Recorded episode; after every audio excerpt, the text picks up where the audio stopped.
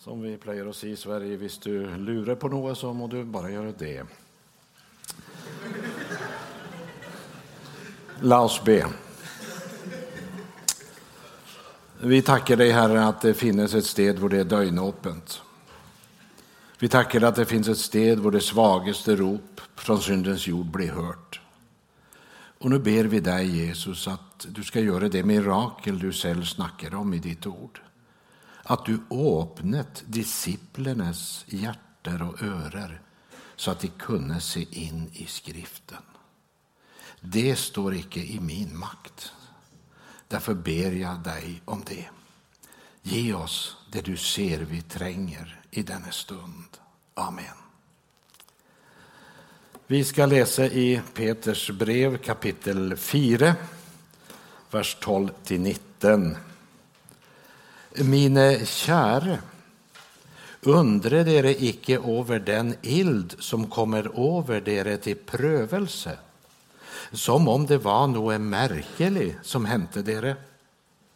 Men i samme grad som dere har del i Kristi lidelser, skal dere glede dere, for at dere også kan juble i glede når Hans herlighet blir åpenbart.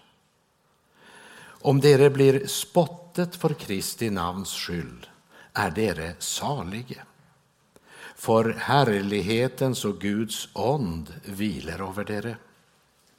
For ingen av dere må lide som en drapsmann eller tyv eller ugjerningsmann, eller som en som blander seg i andres saker. Men lider han som kristen, da skal han ikke skamme seg men prise Gud för detta namn. För tiden är kommet att domen ska begynna med Guds hus. Men begynner den med oss, hvordan ska det då gå med dem som icke vill tro Guds evangelium? Och är det med nöd och näppe den rättfärdige blir frälst Hvordan ska det då gå med den ugudlige och syndaren? Därför ska också det som efter Guds vilje må lide, överge sina själar till den trofaste skaper i det de gör. det gode. Amen. Peter säger alltså att den motstånd, förakt och de vanskligheter som man kan möta här på denna syndens jord, och som så lätt frustrerar oss, vi reagerar som om det är något unaturligt eller uväntat, säger Peter. Men det är ju egentligen, om vi läser avtalen vi har med han som sa ”följ mig” så är det ju faktiskt det som ingår i en kristens normalkontrakt. Och møte motstånd, förakt har de föraktat mig, säger Jesus, så kommer de till att förakta forakta dere. när föraktet från den här världen, alltså den världen som har förkastat Gud, från en världen som har skapat en kultur utan Gud när de vanskligheterna reser sig och möter oss, så är det många av oss som uppför oss som om det skulle vara något helt oväntat. Eller vi säger, vad är det nu som är galt? Vad har jag gjort för galt?' Men Guds ord gör klart att smärta och motstånd, det är en del av de konsekvenser som naturligt må komma, hvis vi har valt att ha Jesus som herre i vårt liv. Alltså, Det går an att bekänna Jesus som frälser utan att bli förföljd. Men det är väldigt vanskligt i längden att praktisera Jesus som herre i sitt liv utan att det får konsekvenser. Och den stora mangel på kunskap i dag om Gud, det är icke för det att Gud gömmer sig. Det är mänsket som gömmer sig. Och Skriften säger att evangeliet om Jesus det är en stötesten för alla människor till alla tider. Och vis vi då, i bästa välmening prøver att ta bort det som är stötande i budskapet, där gör man Kristi kors och dess kraft till intet. Alltså, vi har ingen rätt att vanna ut det vi synes är anstötande i Jesu radikala krav. eller civilisera hans krav för att göra det mer tilltalande för den här världen. Alltså, det är ju genom prövelse och smärta vi växer. De människor som verkligen har satt spår i mitt liv, som har skapat något och tillfört mig något, det var hårt prövade människor. Jag ska inte säga att jag alltid förstår Gud. Jag tänkte på gamle Margit Hellström på Frälsningsarmén i Robertsfors. En gudskvinna av dimensioner. Med nådegaven och pröve onder. Så det var inte alltid lätt att ha med henne att göra. Det var avslöjande. En Guds tjäner av dimensioner, men så ofta syk och svag. Så prövet. Jag sa, käre Gud, vad du har god råd. Varför får hon inte vara mer frisk? Men alltså idag snackar man som om Guds uppgave det är att ta bort smärta och vanskligheter och så gör det livet behagligt för oss. Och om han inte gör det, då är han ju icke god. Och jag tänker, tänk så annorlunda hållningen var hos Peter och Paulus och de andra apostlarna. Alltså de visste att lidelse och smärta det är en del av det kår som ligger i den här onda världens liv. Vi lever i en ond värld, det kommer vi inte undan. Det är ont för de flesta på en eller annan måte att komma sig igenom den här världen. Men vi må huska, det är denna världen som är fallen i synd och det är synden som gör världen ond. Men Gud är god.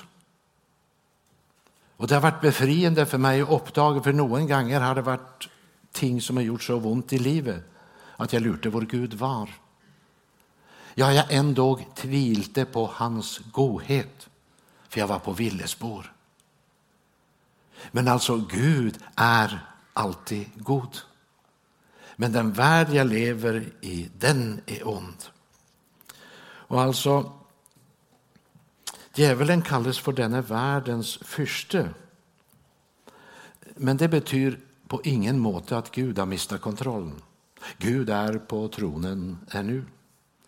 Och han kommer sine i hu. Hur vondt och umulig det är, det du sliter med, det vet inte jag och jag tränger inte att veta det heller. Men din Gud, han vet. Och han gör det omöjliga. Det som är umuligt för människor, det är möjligt för Gud. Jag plejer att säga, vi som är skickligt gamla, vi är ju så otroligt glada i engelska sånger. Och det är särskilt en sång, He still rolls the stone away. Det snackar liksom om när han rullet väck stenen från Kristi grav som icke stod i mänsklig makt. He still rolls the stone away. He still change the heart that pray. If you're bound by sin's prison, you don't have to stay.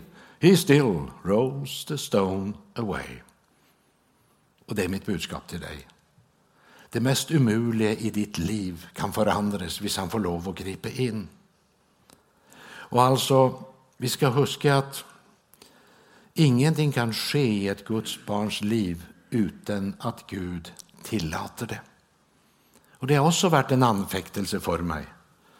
För någon gånger har jag haft vanskligt med att förstå det han tillåter.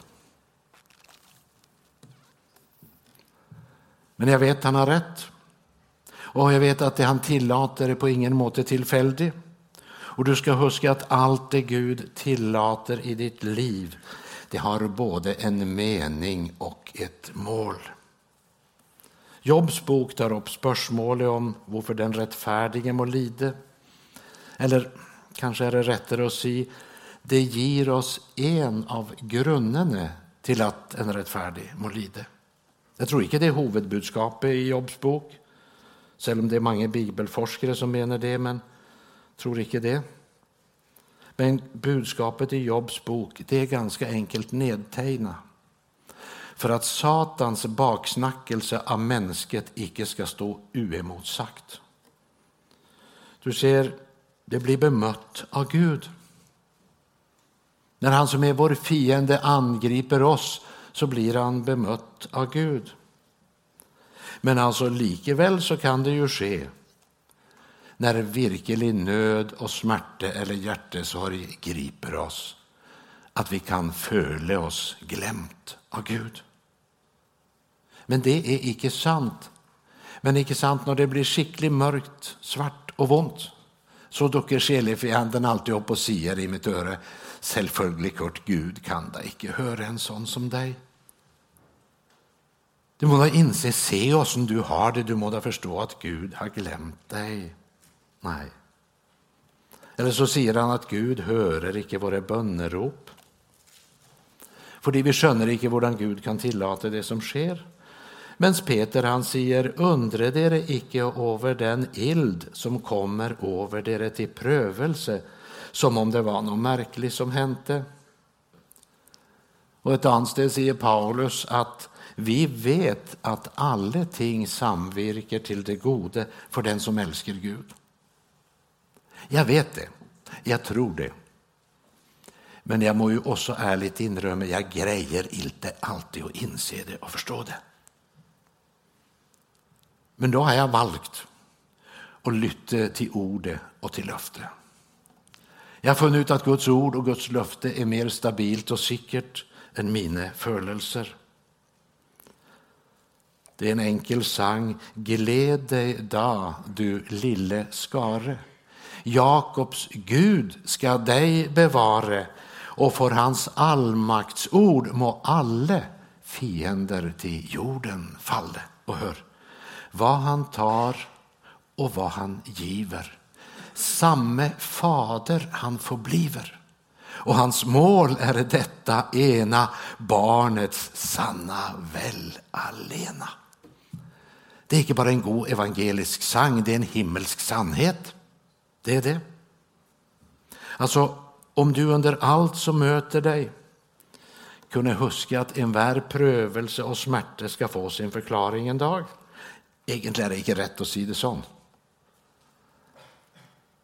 I min enfald så inbillar jag mig att när den dagen kommer så tränger jag ingen förklaring.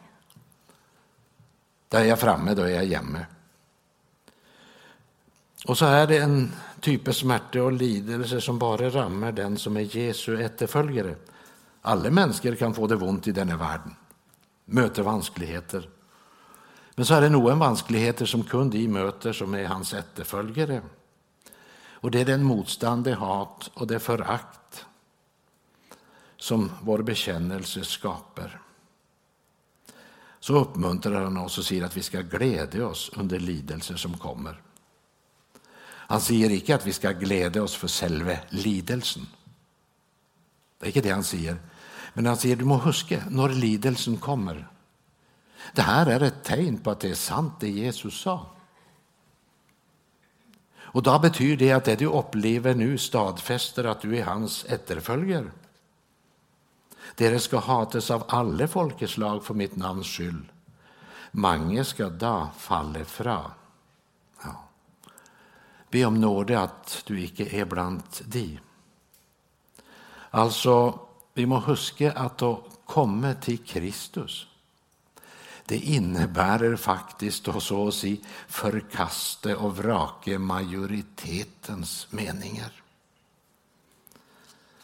För att förena oss med en starkt kritiserad och till synes ubetydlig minoritet som kallas för troens fällskap. Jag hör till den gruppen och blir aldrig populär i denna världen. Det är att säga ja till Jesus. Vi må, må säga det också. För jag tror vi, vi har varit flinke på att förtälla att frälsen är färdig och betalt. Att frälsens gave är fri. Och det är sant. Det kan vi inte tumme. Det är helt riktigt det. Men i samma andetag må vi ju se den här frälse som är färdig och betalt och ges som en fri gave. Visst du verkligen tar emot den så kommer det att kosta dig allt. Vi må ju driva med äkta sann marknadsföring. Alltså, vi ska inte bara ta emot evangeliet, men vi ska stå fasta och förankras i det varje dag. Idag kan ju mycket av förkynnelsen höras ut som Guds uppgave, den är att ta bort smärtan och prövelsen. Som om den helige, allminnelige Gud och allmäktige Gud eh, skulle liksom vara min tjänare och det är hans jobb att sörja för att jag har det enkelt och grejt. Men skriften lär oss att det är att leva inför Guds ansikt med både glädjen och smärtan och allt annat. Det vill fostra och forma vårt inre människa. Själefienden han fortäller oss vad det vill kosta oss att stå upp för Jesus. Han är flink på att peka på vad ont det kan göra. Men alltså, han snackar ju icke om den kraft, den glädje och den fred som också följer med. Som sker när vi försöker något för Kristus. Och alltså, vi ska få lägga all smärta och alla eh, ubesvarte varför inför Herrens ansikt. Den här smärtan den har med sig ett speciellt löfte. I samma grad som dere har del i Kristi lidelser skall dere glädje dere, för att dere också kan jubla i glädje när hans härlighet blir uppenbart. Del i Kristi lidelser. Då tänker jag på en gutt på 16 år och en jente på 14 i ett muslimskt land. En kollega av mig under den tid jag jobbade i Transworld Radio. Han producerade ett bibelprogram för ett muslimskt land, jag ska inte säga vilket land. Och vi möttes ett hemlig, i hemlighet ett sted i världen dit han kunde få utresetillåtelse, för han kunde inte resa var som helst. Jag hade mött honom två gånger förr och utan att han sa något, bara jag såg karln så blev jag glad. Han var ett Kristusvittne. Och när jag mötte blicken hans och smilet, han tänkte inte att säga något en gång. Men den här gången så såg han så otroligt bekymmersfull ut. Och så sa jag, broder, vad är det? Ja, sa du vet ju att eh, jag brukar ett pseudonym av säkerhet, så jag mitt namn nämnes icke i radion. Och så är det så här, sa han, att eh, dagen före jag reste ut för att möta dig eh, så kom det fyra muslimer till vårt hem. Och så sa de det att nu vet vi att det är du som är radiorösten i vårt land. Så nu får du välja. Och vi vet var dina barn går på skola. Så om inte du slutar att preke, eh, så sker det en olycka med barnen på vägen. Och så gick de. Nu var det inte mig de truet, sa han, nu var det barnen. Och jag hörde inte vad de sa, men jag såg de stod där i hörnet och snakket sammen.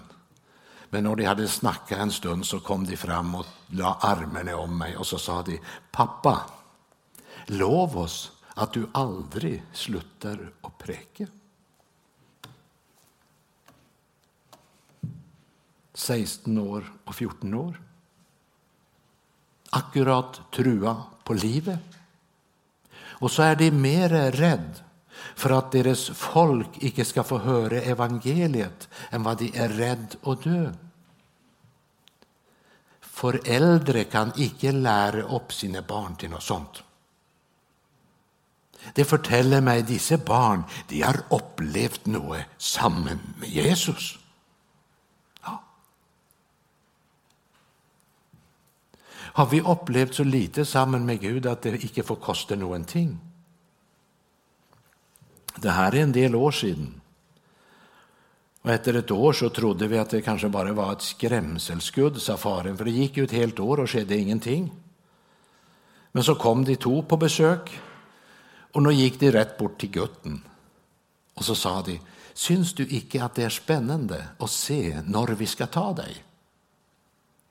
Om det blir om en uke eller en månad eller om vi väntar i tre månader eller om vi tar dig i morgon. Och så gick det.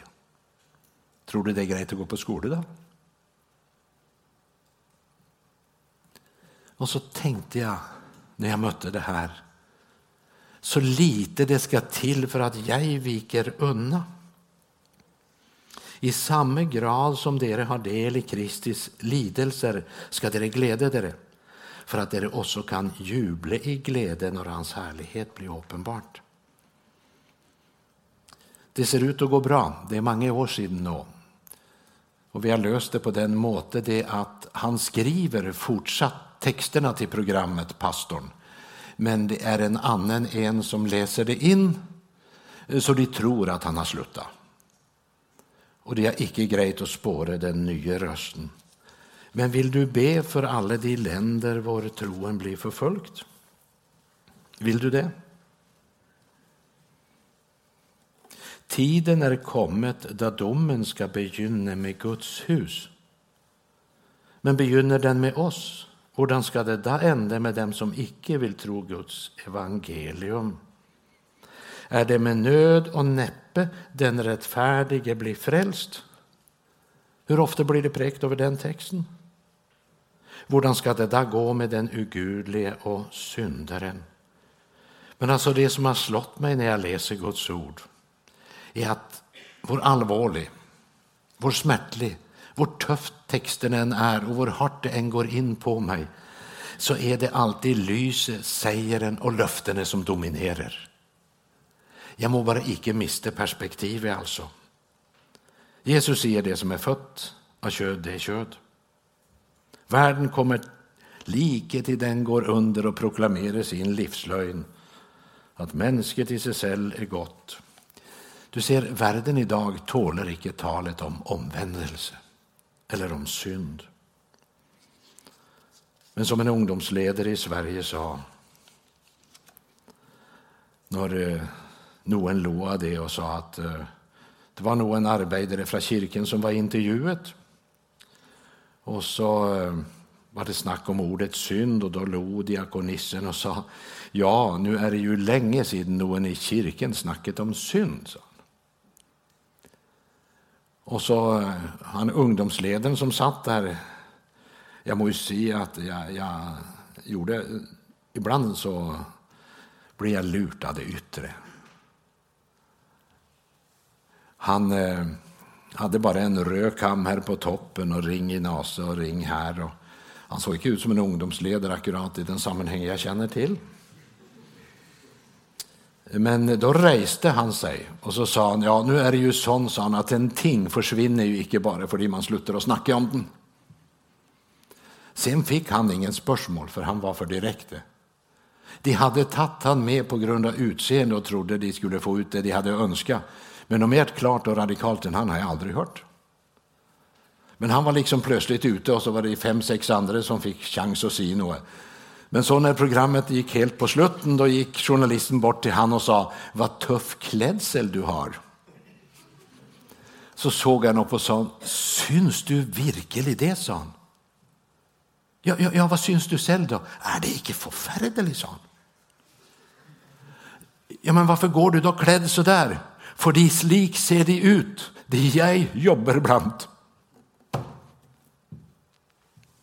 Det är vårt kall det. En jöde för jöder och en grek för greker. Och jag blir lika glad varje gång jag möter ett hjärta som brinner för Jesus. Alltså, vi må inte stole på oss själva. Kristus och korset tör inte Satan komma när. Och därför prövar han att få oss väck därifrån. Alltså, vi ska huska att, och så ska jag säga det, Bibelns vittnesbörd och Guds nåde, den flyter av och till till oss på en måte som är allt annat än behaglig för vår fallna natur. Men världen den hastar vidare med sina suggererande ideologier, sina förförande slagord och tomma fraser. Men som Guds barn vet vi att får Guds vilja ske i vårt liv, får Guds vilja ske i vårt liv, där leder det alltid till det bästa. Och jag tror att också idag ska Gud resa upp unga vittner. Någon ska resa sig och gå mot strömmen. Alltså, det är nog en fördel med att bli gammal ska se att det alltid är käckt. Man känner ju att det skrumpnar in och att karosseri inte är vad det en gång var. Men Alltså det är något som är gott när man har levt så länge med Gud. Särskilt när det kommer upp något vanskligt. Och liksom vite det här och ha erfaring av det. Att Gud förer aldrig sina barn till det röda hav för att drunkna dem. Han har helt andra planer. Och någon gång må jag säga det till korna när det ser lite kärvt ut i detta livet. Och så ska det gå nå. Ja, men så har vi gott mot. Gud förer aldrig sina barn till Röda hav för att drunkna det. Han har andra planer. Vad har han för planer? Jag, säger, jag skulle önska att jag visste det. Som pastor och god make så skulle jag visste, men jag vet inte. Men vi får vänta och se. Han kommer inte att skuffa oss. Ordet om korset är väl en dårskap för dem som går förtapt. Men för oss som blir frälst är det en Guds kraft. Ja. Jag tänkte på den här sangen som jag nämnde sist möte, där Jesus satte själen fri. Och där jag fick hans säll och se, jag glömde jordens sorg och ve. Det är ganska lätt att synge. Men det är jammen inte alltid lika lätt att glömma jordens sorg och ve i en stormig vardag. Men Peter säger att lidelsen gör oss redo till Jesu genkomst. Vandre för mitt åsyn, sa Gud till Abraham. Vandre för Guds ansikt. Det kunde också varit översatt Vär hel i din färd och lev i lyse. Så en särlig hilsen till dig idag som har haft ett stort nederlag idag. Som det har gått sönder för. Och du är kämpeglad att ingen andra vet och som det är. Det har kanske varit ett grusomt, förfärligt nederlag. Och då vill jag säga så här, det viktiga är icke hur djupt du har fallit. Men det som är avgörande och det är, vad vill du göra nu? Efter fallet? Vill du gå bort lik Judas? Eller vill du komma med ditt nederlag till Jesus som Peter?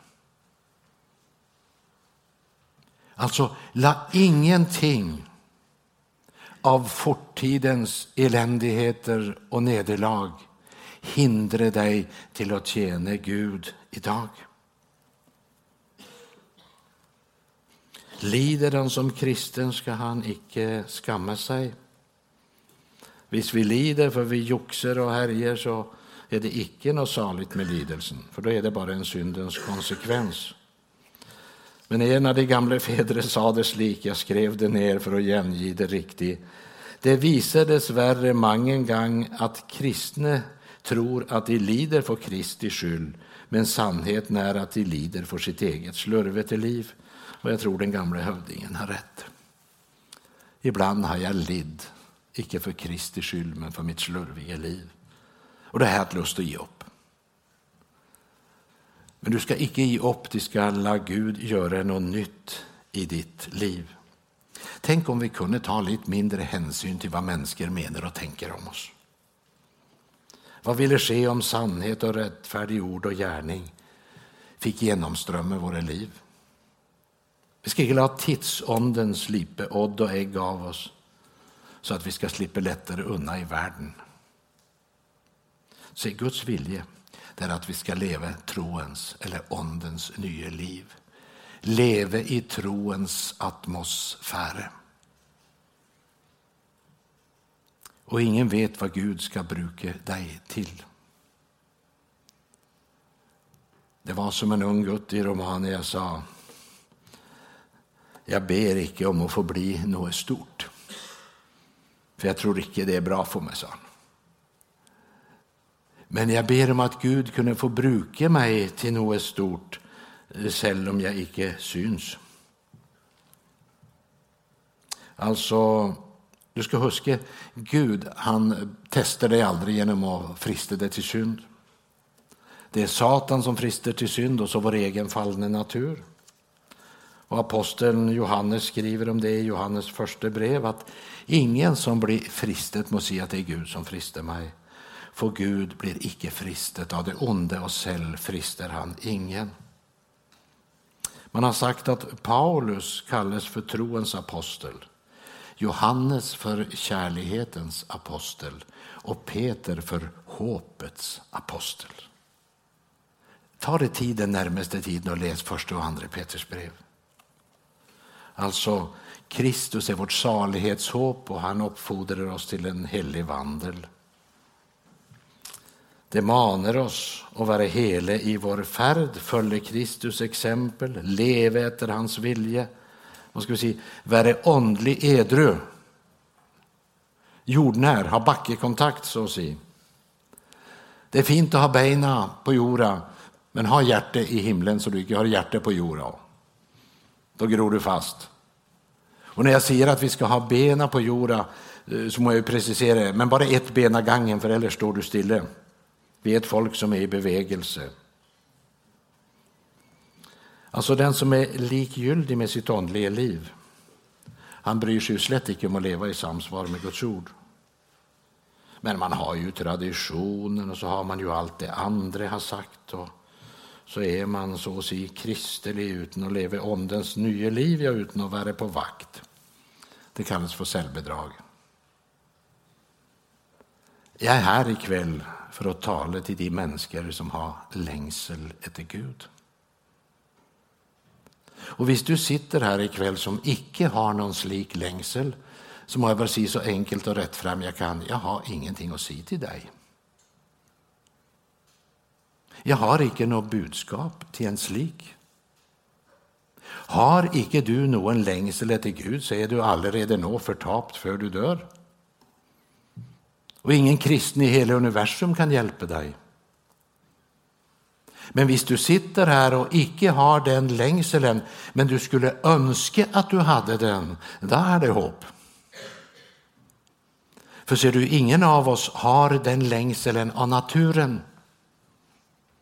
Den får mig med att vända oss till troens upphavsman och fulländer.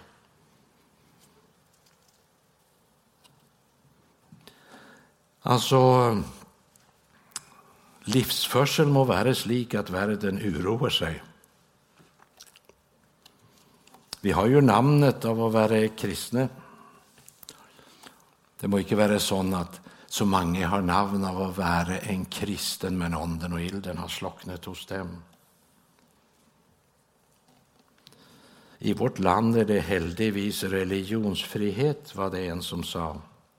Då tänkte jag på något broder Andreas förtalte mig för många, många år sedan när jag satt i hans hem. Han förtalte han hade varit i ett land i Östeuropa. Och så var en av hans första turer. Och så blir han konfronterad med ett bibelord där det står och alla som vill leva gudfryktig i Kristus Jesus ska lida förföljelse. Och då sa broder Andreas att då, då begynte jag fortälla för henne att i Holland så har vi religionsfrihet. Och där, där är det ingen kristen som blir förföljd. Ja, då blir det ju ännu vanskligare, sa han. Vad gör det då med ordet som säger att alla som vill leva Gud fruktig i Kristus Jesus ska lida förföljelse? Så ser han på mig, sa han, och så säger han, betyder det att det icke lever gudfruktig? Ja, kanske är det på tide att stöva av Peters brev, kapitel för kapitel. Och så spörre oss, är det den Jesus som Peter vittnar om, är det han vi följer och tror på? Eller är det en annan Jesus vi tror på? Det handlar om en man som är född av Gud och har ett levande hopp. Peter. Det handlar om något mer än en urlärd fiskare alltså. Hans budskap är präget av åpenbaringens ond. Och du vet, ibland kan Gud åpenbara något för ett hjärta som andra icke har sett. Jag huskar jag var i Finland under en mötekampanj och en jente på 14 år satt och förtalte vad hon hade läst ifra, ah, om Abraham. Och så förtalte hon något för mig och så sa hon, ja du som är pastor har säkert tänkt på det. Och jag, måste, jag var nästan, nästan fristad till att lyva och säga jo, hm, det har jag tänkt på. Men heldigvis så rack jag att stoppa upp och så sa jag, vet du vad syster? Så vuxen jag är, det har jag aldrig sett för. Men när du säger det så ser jag det. Det här ska du ta vara på, säger han, för det här är något Gud har uppenbart för dig. Och du ska ge det vidare. Du ser, Gud har makt till att göra oss något annat än det vi är. När han mötte Simon Peter så sa han, du är Simon men du ska bli Peter. Och det gick som Jesus sa. Det gick långt ifrån smärtfritt för Peters del, men det gick som Jesus sa. Och ser du, han kan löfta dig över alla dina karaktärsgröpligheter. Och så kan han i kraft av sin helige ond skapa något helt nytt i ditt liv om han bara får lov till det och till att få komma till. Är du villig att låta Jesus göra sin gärning i ditt liv? Tänk om det för en själ skulle vara en start ikväll. Det hade varit värt att resa till Stavanger alltså. Och Gandal. Tänk om det var en själ som sa Jesus, jag vill ha en ny start ikväll. Jag vill följa dig. Och skulle det gå sönder imorgon, hjälp mig till en ny start imorgon. Jag flykter icke från världen, den jord som en gång fallt. Den är båret av de händer som skall förnya allt. Jag vet att Jesus lever. Jag tror att Herren Krist, när alla hopp är ute, ska stiga fram till sist. Det tror jag. Det är mitt enkla vittnesbud och det har jag icke lärt på biblioteket. Läs också gärna i Timoteus brev alla förmaningar han ger till sin unge medarbetare. Och så säger Gud, rör vid mitt hjärta och sinn så att jag förstår att det är lov för mig att efterfölja dig och att du har bruk för mig. Alltså att leva ett haltande kristenliv, det är ingen som tappar så mycket på det som du. Alltså, jag håller på att säga att om du inte ska följa Jesus helt och fullt, vänd Gud ryggen och sats på en kortvarig nytelse i världen och låt det dura och gå. Kanske du kan få något ut av det i vart fall, för ett ögonblick. Men alltså ska du leva med ett ben i världen och ett ben hos Jesus så har du ju icke glädjen i världen för du kan ju inte vara med på den helt. Du måste ju vara lite försiktig, inte sant? Heller ingen glädje i Gud, ingen åndskraft, inget liv och ingen visioner. Du bara går i egen kraft. Alltså tommare och fattigare kan det inte bli. Enten så blåser du i Guds ord och säger det att jag satsar på en kortvarig nytelse i synd och så får det gå som det går. Eller så säger du Jesus, jag är redo. Jag lägger mitt cellliv och min egen vilja på ditt alter. Och nu må du hjälpa mig Jesus och följa dig helt och fullt. Vilken vän vi har i Jesus. Alltså, Hvis det är en som tar den bestämmelsen ikväll så kan det revolutionera hela detta fylke. Herre Jesus, vill du hjälpa mig att förstå eh, vad som är en efterföljers normalkontrakt?